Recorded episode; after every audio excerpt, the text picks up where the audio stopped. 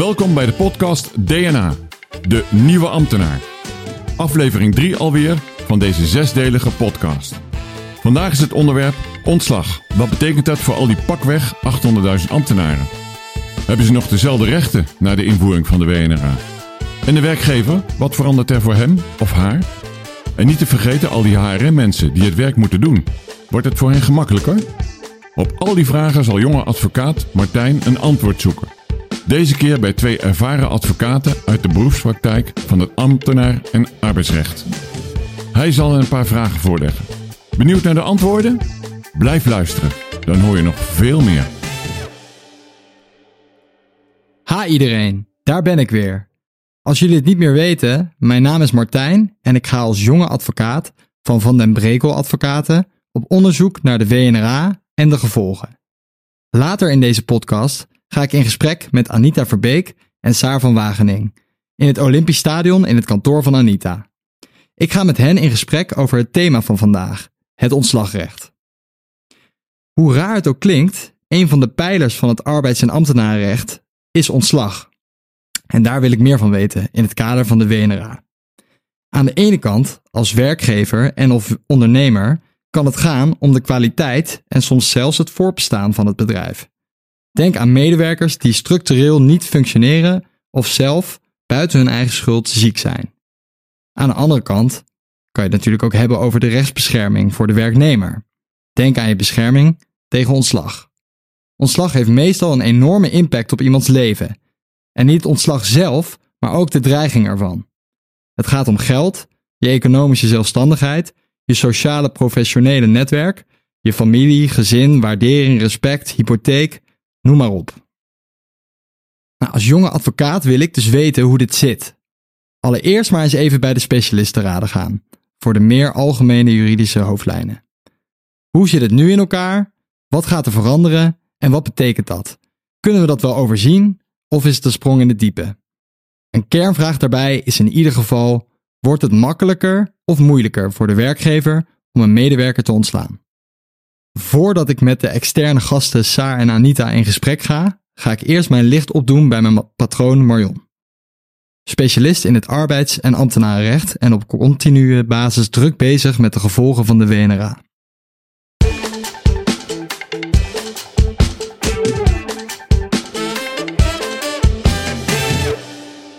Marion, Ah, Martijn. hi. Voordat je mij de laan uitstuurt, om je een stapje voor te zijn, is het thema vandaag ontslag. Kan je dat wel aan als ik je daarover bevraag? Nou ja, als jij bang bent dat ik je de laan uitstuur, moet ik je misschien niet te wijs maken. Maar eh, volgens mij eh, is dat niet aan de orde, Martijn. En daar ben je er ook niet zo bang voor. Oké. Wat voor impact denk jij dat die WNRA dan gaat hebben op dit ontslagstelsel? Nou ja, we merken in de praktijk nu al dat het behoorlijk wat impact heeft in, de kader, in het kader van eh, informatievoorziening. Overheidswerkgevers willen weten wat er allemaal gaat veranderen. En ik denk als ik nou echt alleen de kern uh, behandel, de kern belicht, dan is natuurlijk het grootste verschil dat de preventieve toets straks komt. En dat betekent dat overheidswerkgevers nu kunnen overgaan tot een ontslagbesluit, eenzijdig. Hè? Dat is juist het kenmerk van, de, uh, van het bestuursrecht. en straks moeten ze toestemming vragen bij het UWV of een ontbinding vragen bij de kantonrechter. Daar zit volgens mij een echt heel wezenlijk onderdeel van het stelselverschil. Nou Marion, dat is ook precies wat ik wil gaan onderzoeken vandaag. Eigenlijk het verschil tussen die ontslagstelsels. Dat het huidige ontslagstelsel van het ambtenarenrecht gaat natuurlijk volledig uh, veranderen uh, door de, uh, ja, doordat het arbeidsrecht van toepassing wordt. Dus ik denk dat we met name gaan inzoomen vandaag op, ja, op die ontslaggronden die dan gaan gelden in het arbeidsrecht. En ja, hoe de rechter die ook toepast. Wat bijvoorbeeld het verschil is tussen de vergoedingen. Lijkt je dat een goed idee? Volgens mij is het een prima insteek, Martijn. Ik denk dat je inderdaad moet kijken naar dat, uh, die redelijke gronden. Hè? In hoeverre kan je die vergelijken met het ambtelijke stelsel van redelijke gronden? Uh, dat is één onderdeel. Het andere is, uh, naar mijn idee, wat echt aan bod moet komen, is de verschillen tussen de kantonrechter en de bestuursrechter. Omdat dat in de praktijk toch nog wel eens als anders wordt ervaren. En als derde denk ik die vergoedingen. Die vergoedingen, die, ja, dat, ook dat is een radicaal ander stelsel. En dan is het uitgangspunt van nou ja, het checken of er spra straks sprake is van gelijkheid tussen werknemers en ambtenaren. Natuurlijk een hele mooie. Zeker als je uh, nog eventjes terugdenkt aan het eerste, de eerste podcast met uh, mevrouw Kozer Kaya. Die natuurlijk dat al, de gelijkheid als, nou ja, bijna droom had van haar initiatiefvoorstel. Dus ik vind het een hele aardige. Oké, okay, dat is goed. Ik ga het oppakken en ik ga ermee aan de slag. Oké, okay, succes Martijn. Dank je. Oké, okay, ik heb een duidelijke opdracht gekregen voor Marion. Wat zijn de verschillen tussen de verschillende ontslagstelsels? Ik ga inzoomen op de vergoedingen en ik ga kijken of de nieuwe ambtenaar gelijk behandeld wordt met de huidige werknemer. Het leek mij leuk om een keertje niet de informatie uit mijn eigen kantoor te trekken, maar naar een ander advocatenkantoor te gaan. Daarom heb ik vandaag twee ervaren advocaten bereid gevonden om mij te woord te staan. Saar van Wagening en Anita Verbeek zijn Amsterdamse advocaten. Hun specialiteit is arbeids- en ambtenarenrecht. Ze hebben beide een kantoor in het centrum van de stad. Vanwege hun jarenlange ervaring is het interessant om met hen samen in gesprek te gaan. Hoe keken zij aan tegen het onderwerp en de verandering? Hebben zij nog andere invalshoeken? We gaan dat het komende half uur horen. Ik zit hier nu in Amsterdam in een chic advocaatkantoor in het Olympisch Stadion. Ik kan letterlijk de atletiekbaan van het Olympisch Stadion zien en de gasmat bijna ruiken. De twee advocaten kunnen ieder moment binnenkomen. Ik ben benieuwd. Hallo Saar en Anita. Leuk dat jullie meedoen vandaag in de podcast. En uh, Anita, bedankt dat wij uh, vandaag in uh, jouw kantoor in het Olympisch Stadion deze podcast kunnen opnemen. Welkom. Ja, dank je. Um, allereerst wil ik jullie beide vragen jullie zelf kort te introduceren. wie ben je en wat is de, je betrokkenheid bij de WNRA? Saar. Eh, mijn naam is Saar van Wagening. Ik ben advocaat uh, arbeidsrecht sinds 1997. En ik heb eigenlijk vanaf uh, het moment dat ik begonnen ben, zowel private, overheids, of private werkgevers bijgestaan als overheidswerkgevers. Dus ik heb een praktijk die uit beide rechtsgebieden bestaat. En eigenlijk vanuit die rol ben ik ook wel actief betrokken bij de normalisering. Ik geef veel cursussen aan, aan klanten of aan anderszins overheidswerkgevers om uit te leggen wat uh, straks de transitie uh, voor hen betekent. Dank. Anita? Ja, mijn naam is Anita Verbeek. Ik ben sinds 1988 arbeidsrechtadvocaat. Uh, ik doe sporadisch een ambtenarenzaak, dus ik ben niet, althans niet direct, maar zijdelings betrokken bij deze wetswijziging. En ehm, ik sta zowel werkgevers als werknemers bij. Oké, okay, dus jullie staan eigenlijk beide, zowel werkgevers als werknemers bij. Nou, vandaag gaan we het dus hebben over het ontslagrecht. Uh, en we belichten eigenlijk vanuit zowel het ambtenarenrecht als het arbeidsrecht. En laten we even beginnen met het wettelijk systeem. Want de toets is preventief, uh, toch, Saar? De toets is uh, preventief. Dat betekent dat je, als je iemand wil ontslaan in het arbeidsrecht, tenzij je iemand op staande voet ontslaat, altijd toestemming nodig hebt van ofwel het UWV ofwel de kantonrechter. En dat is natuurlijk een, een, een wezenlijk verschil met het ambtenarenrecht, waarin een ontslag wordt geëffectueerd met een besluit dat een bestuursorgaan zelf neemt. En uh, nou ja, de, de, in het ambtenarenrecht heb je ontslaggronden uh, en in het arbeidsrecht natuurlijk ook. Um, in het arbeidsrecht bestaat er een on gesloten ontslagstelsel, mm -hmm. uh, waar, waarbij er acht redelijke gronden gelden, uh, waarvoor de werkgever ja, de, de arbeidsovereenkomst kan, laten op, kan opzeggen of laten ontbinden. Ja. De A- en de B-grond, daarvoor moet je naar het UWV, toch Anita? Ja, dat klopt Martijn. Uh, dat zijn in feite de gronden uh, die uh, objectief te beoordelen zijn, hè, waar weinig interpretatieverschillen kunnen zijn. Dat is wegens bedrijfseconomische redenen het ontslag ofwel wegens langdurige arbeidsongeschiktheid. En daarom ligt die bij het UWV, daar waar een rechter bij de redelijke gronden die daarna komen, veel meer beoordelingsvrijheid heeft. Oké, dus die gronden liggen bij het UWV. En dan heb je eigenlijk de overige gronden, daarvoor moet je naar de kantonrechter. Daarvoor moet je naar de kantonrechter. En dat zijn dan zogenaamd gronden C tot en met H. Als je naar de uh, ontslagpraktijk kijkt, dan is het in essentie eigenlijk drie gronden, of dan komt het in essentie neer op drie gronden die centraal staan. Dat is de zogenaamde D-grond. Ik zeg altijd als ezelsbruggetje het dysfunctioneren. Dus wat je kunt vergelijken met het ambtenaarrechtelijke ongeschiktheid. Daarnaast heb je de G-grond, dat de, de, zeg maar die, die, die gelijk staat voor een vertrouwensbreuk. En je hebt de H-grond, uh, andere gronden. Die drie zie je eigenlijk steeds centraal staan in een ontslagzaak. Niet veel anders zou ik zeggen dan in het ambtenarenrecht, waar je toch ook ziet dat eigenlijk daar de, uh, dezelfde gronden uh, terugkomen. Met dien verstande dat in het ambtenarenrecht het, begrip andere gronden um, eigenlijk is voorbehouden voor juist de vertrouwensbreuk, de incompatibilité d'humeur om het mooi te zeggen. En in het arbeidsrecht is dat nou juist weer de G-grond, die ook, dus de duurzame verstoring van arbeidsverhouding, die als zodanig wordt genoemd.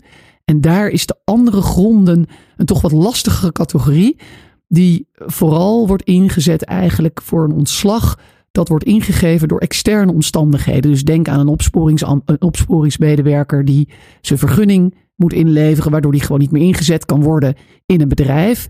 En dat is dan bij uitstek zeg maar zo'n andere grondensituatie. Duidelijk. Um, de verschillen uh, in, het, uh, ja, in de ontslaggronden, die, die zijn er dus wel. Maar ja, er is ook een andere rechter die, die nu gaat oordelen over het ontslag. Um, kan een van jullie daar ja, iets over kwijt over het verschil van de toets van de rechter. Ja, ik denk dat de bestuursrechter is veel formeler in de toetsing eh, van de gronden. Daar waar de kantonrechter, ondanks het feit dat er natuurlijk uh, uh, limitatief de gronden in de wet zijn opgenomen en dat je ook wel een voldragen grond moet hebben om een ontbinding te krijgen, maar dat een rechter veel meer vanuit de redelijkheid en de billijkheid ook naar de zaken kijkt. Dus er is een andere benadering, denk ik, dan de bestuursrechter dat doet. Maar daar kijk ik Saar ook nog ja, ik, aan. ik denk dat het wat een, wat een belangrijk echt juridisch verschil is, is dat in het ambtenarenrecht het natuurlijk bestuursrecht is. Dus alles wordt beredeneerd vanuit besluiten. Een rechter moet een besluit toetsen. Waarmee hij natuurlijk eigenlijk ook altijd terugvalt op een schriftelijk document. En als je naar de kantonrechter kijkt, dan kijkt hij eigenlijk naar een arbeidsverhouding in zijn totaliteit. Dus je vraagt een ontslag. En uh, daar ligt natuurlijk een schriftelijk verzoek aan ten grondslag. Maar de toets reikt vaak verder, omdat hij de hele arbeidsverhouding meeneemt. En je ziet dat een bestuursrechter gedwongen is, dat is het systeem nu eenmaal, om echt de toets toe te spitsen op het besluit dat voor ligt. En dat is wel echt een, een, een verschil in benadering die uh, straks gaat komen. Ik heb jullie eigenlijk nog niet horen praten over de E-grond. Klopt dat? Dat is een goede, want ook de E-grond is een, is een belangrijke grond. Um, maar hij valt wat mij betreft een beetje buiten de gronden die ik zojuist noemde. De E-grond staat voor verwijtbaar handelen van de werknemer. Um, is vaak een alternatief voor een ontslag op staande voet dat overwogen wordt. En maar dan dus via een ontbinding bij de rechter. Um, en uh, ja, is, is dus ook een grond die aan de orde komt als een werknemer gedragingen heeft gepleegd die ook in het ambtenarenrecht toch wel zou zien als plichtsverzuim nu en maken dat je uh, een beëindiging op die grond rechtvaardigt. Een ingewikkelde grond zeg ik meteen, want waar we allemaal dachten toen de WWZ in werking trad, dat het eigenlijk inderdaad een alternatief was voor een ontslag op staande voet. Van nou, dan kom je er op eenzelfde manier vanaf. Die werknemer gaat weg en zal ook helemaal geen vergoeding meekrijgen zie je in de praktijk dat die genuanceerder wordt benaderd. Dus dat er veel rechters zijn die zeggen: ja, het is wel verwijtbaar wat Pietje heeft gedaan, maar toch weer niet zodanig dat het ernstig verwijtbaar is. En ik geef Pietje dus toch een transitievergoeding. Waarmee voor werkgevers soms veel ja, een soort onbevredigend gevoel overblijft van het was toch zo erg wat hij deed. En rechter, waarom komt hij er zo vanaf? Dus het is een lastige grond, maar wel een belangrijke in de praktijk.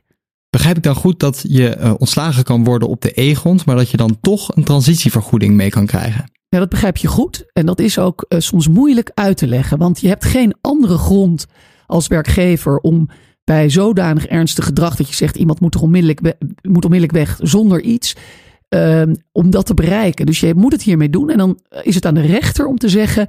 Is het ernstig of is het gewoon verwijtbaar? Want alleen bij ernstige verwijtbaarheid, dat is zeg maar het begrip wat een belangrijke rol vervult in de WWZ, heb je geen recht op een vergoeding. Ja, wat in dit kader ook goed is om te weten, is dat uh, het toch een beetje een gekke situatie is. Dat als je op staande voet wordt ontslagen, en dat wordt niet door de rechter uh, gecorrigeerd, dat je uh, dan alles kwijt bent. En net zoals bij een strafontslag, maar dat als er ontbinding wordt gevraagd op deze E-grond, dat er dan toch nog een transitievergoeding aan kan vastzitten. En dat ja, kan echt als onrechtvaardig overkomen. En hebben we daarmee nu alle relevante ontslaggronden gehad? Nou, dus ik kan daar nog één aanvulling op geven. Want volgend jaar uh, wordt de WWZ veranderd uh, door middel van de, wet arbeidsmarkt in balans. Uh, die komt eraan als het goed is. En daarin is een nieuwe grond opgenomen, de I-grond. Is een cumulatiegrond. we hebben in de afgelopen jaren ontdekt na de WWZ dat daar toch wel een beetje het probleem zit als je alleen maar voldragen gronden kan aanvoeren. dat is dus iets nieuws en, en wat ruimer te benutten.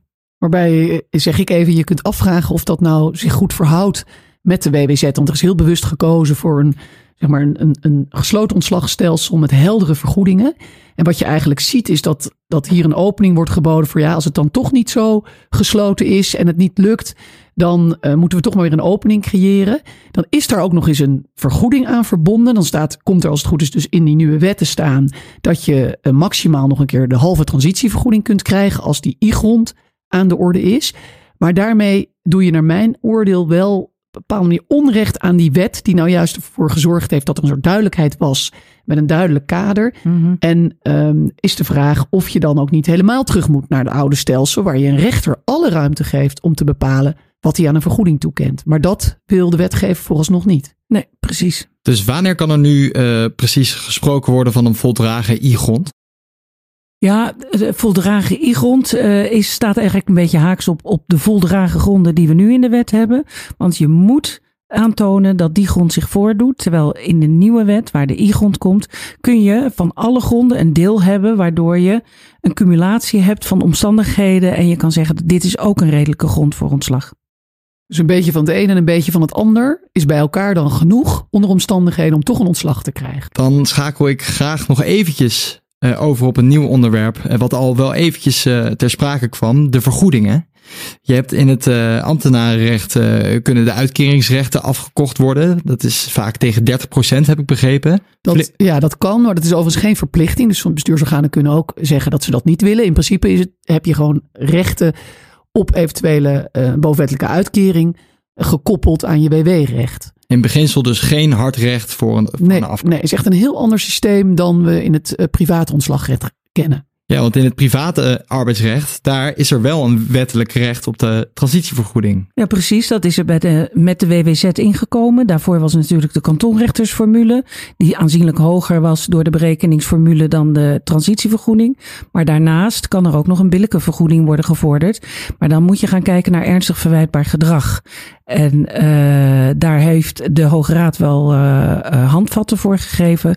Maar dat is toch altijd nog van tevoren niet helemaal duidelijk wat je uit een billijke vergoeding krijgt. Lastig in te schatten dus hoe hoog de vergoeding gaat zijn. Ja, lastig in te schatten. Ja, en dat is denk ik belangrijk om te benadrukken dat dat echt een wezenlijke verandering gaat opleveren voor uh, de ambtenaren. Want die vergoedingen in het arbeidsrecht, die liggen gewoon in de wet vast. En die wet is straks gewoon in één keer van toepassing. Terwijl er natuurlijk al in rechtspositieregelingen um, uitkeringsrechten zijn vastgelegd. En dat zal dus uiteindelijk ergens naartoe moeten. Want zoals het er nu is, komt het naast elkaar te staan. En dat zou betekenen dat je en aanspraak maakt op die vergoedingen, want die krijg je nu eenmaal op grond van de wet. En je zou, zolang het erin staat, aanspraak kunnen maken op die bovenwettelijke uitkeringsrechten. Dus ik verwacht dat daar wel het nodige zal gaan gebeuren de komende tijd omdat het op een gegeven moment ook te kostbaar wordt, dan is het eigenlijk en-en. Terwijl we nu altijd zeggen, als we voor ambtenaren optreden of tegen ambtenaren, je zit in een heel ander stelsel, je komt helemaal niet in die vergoedingensfeer. En dat gaat natuurlijk echt veranderen uh, met de inwerkingtreding van de nieuwe wet. En tot slot, dames, hebben jullie nog één uh, ja, concreet advies voor de overheidswerkgever? Um, ja, uh, heel kort. Communiceren met een hele grote C.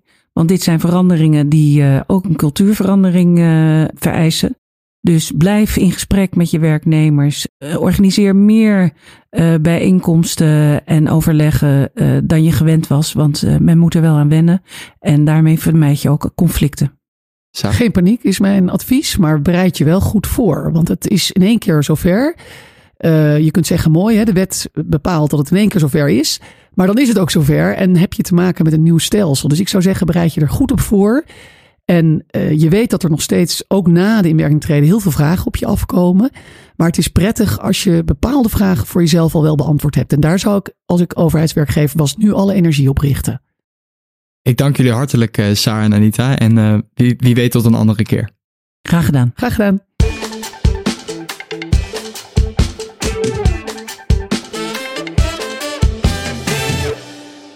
Dat was een interessant gesprek. Uh, ik heb er veel van geleerd.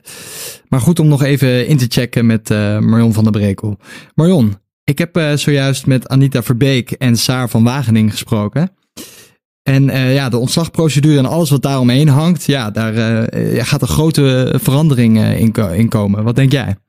Ja, ik, heb, ik vond het heel erg leuk, Martijn, om twee bevriende arbeidsrechtadvocaten aan het woord te horen. Ze hebben allebei uh, heel duidelijk gemaakt dat het stelsel uh, zoals het uh, nu geldt in het arbeidsrecht overeenkomsten heeft, maar ook wel heel duidelijke verschillen met het ambtenarenrecht. natuurlijk het belangrijkste verschil wat ook benoemd is die preventieve toetsing. Hè? Dus overheidswerkgevers mogen niet meer zelf tot ontslag overgaan, hebben daar de kantonrechter of het UWV bij nodig.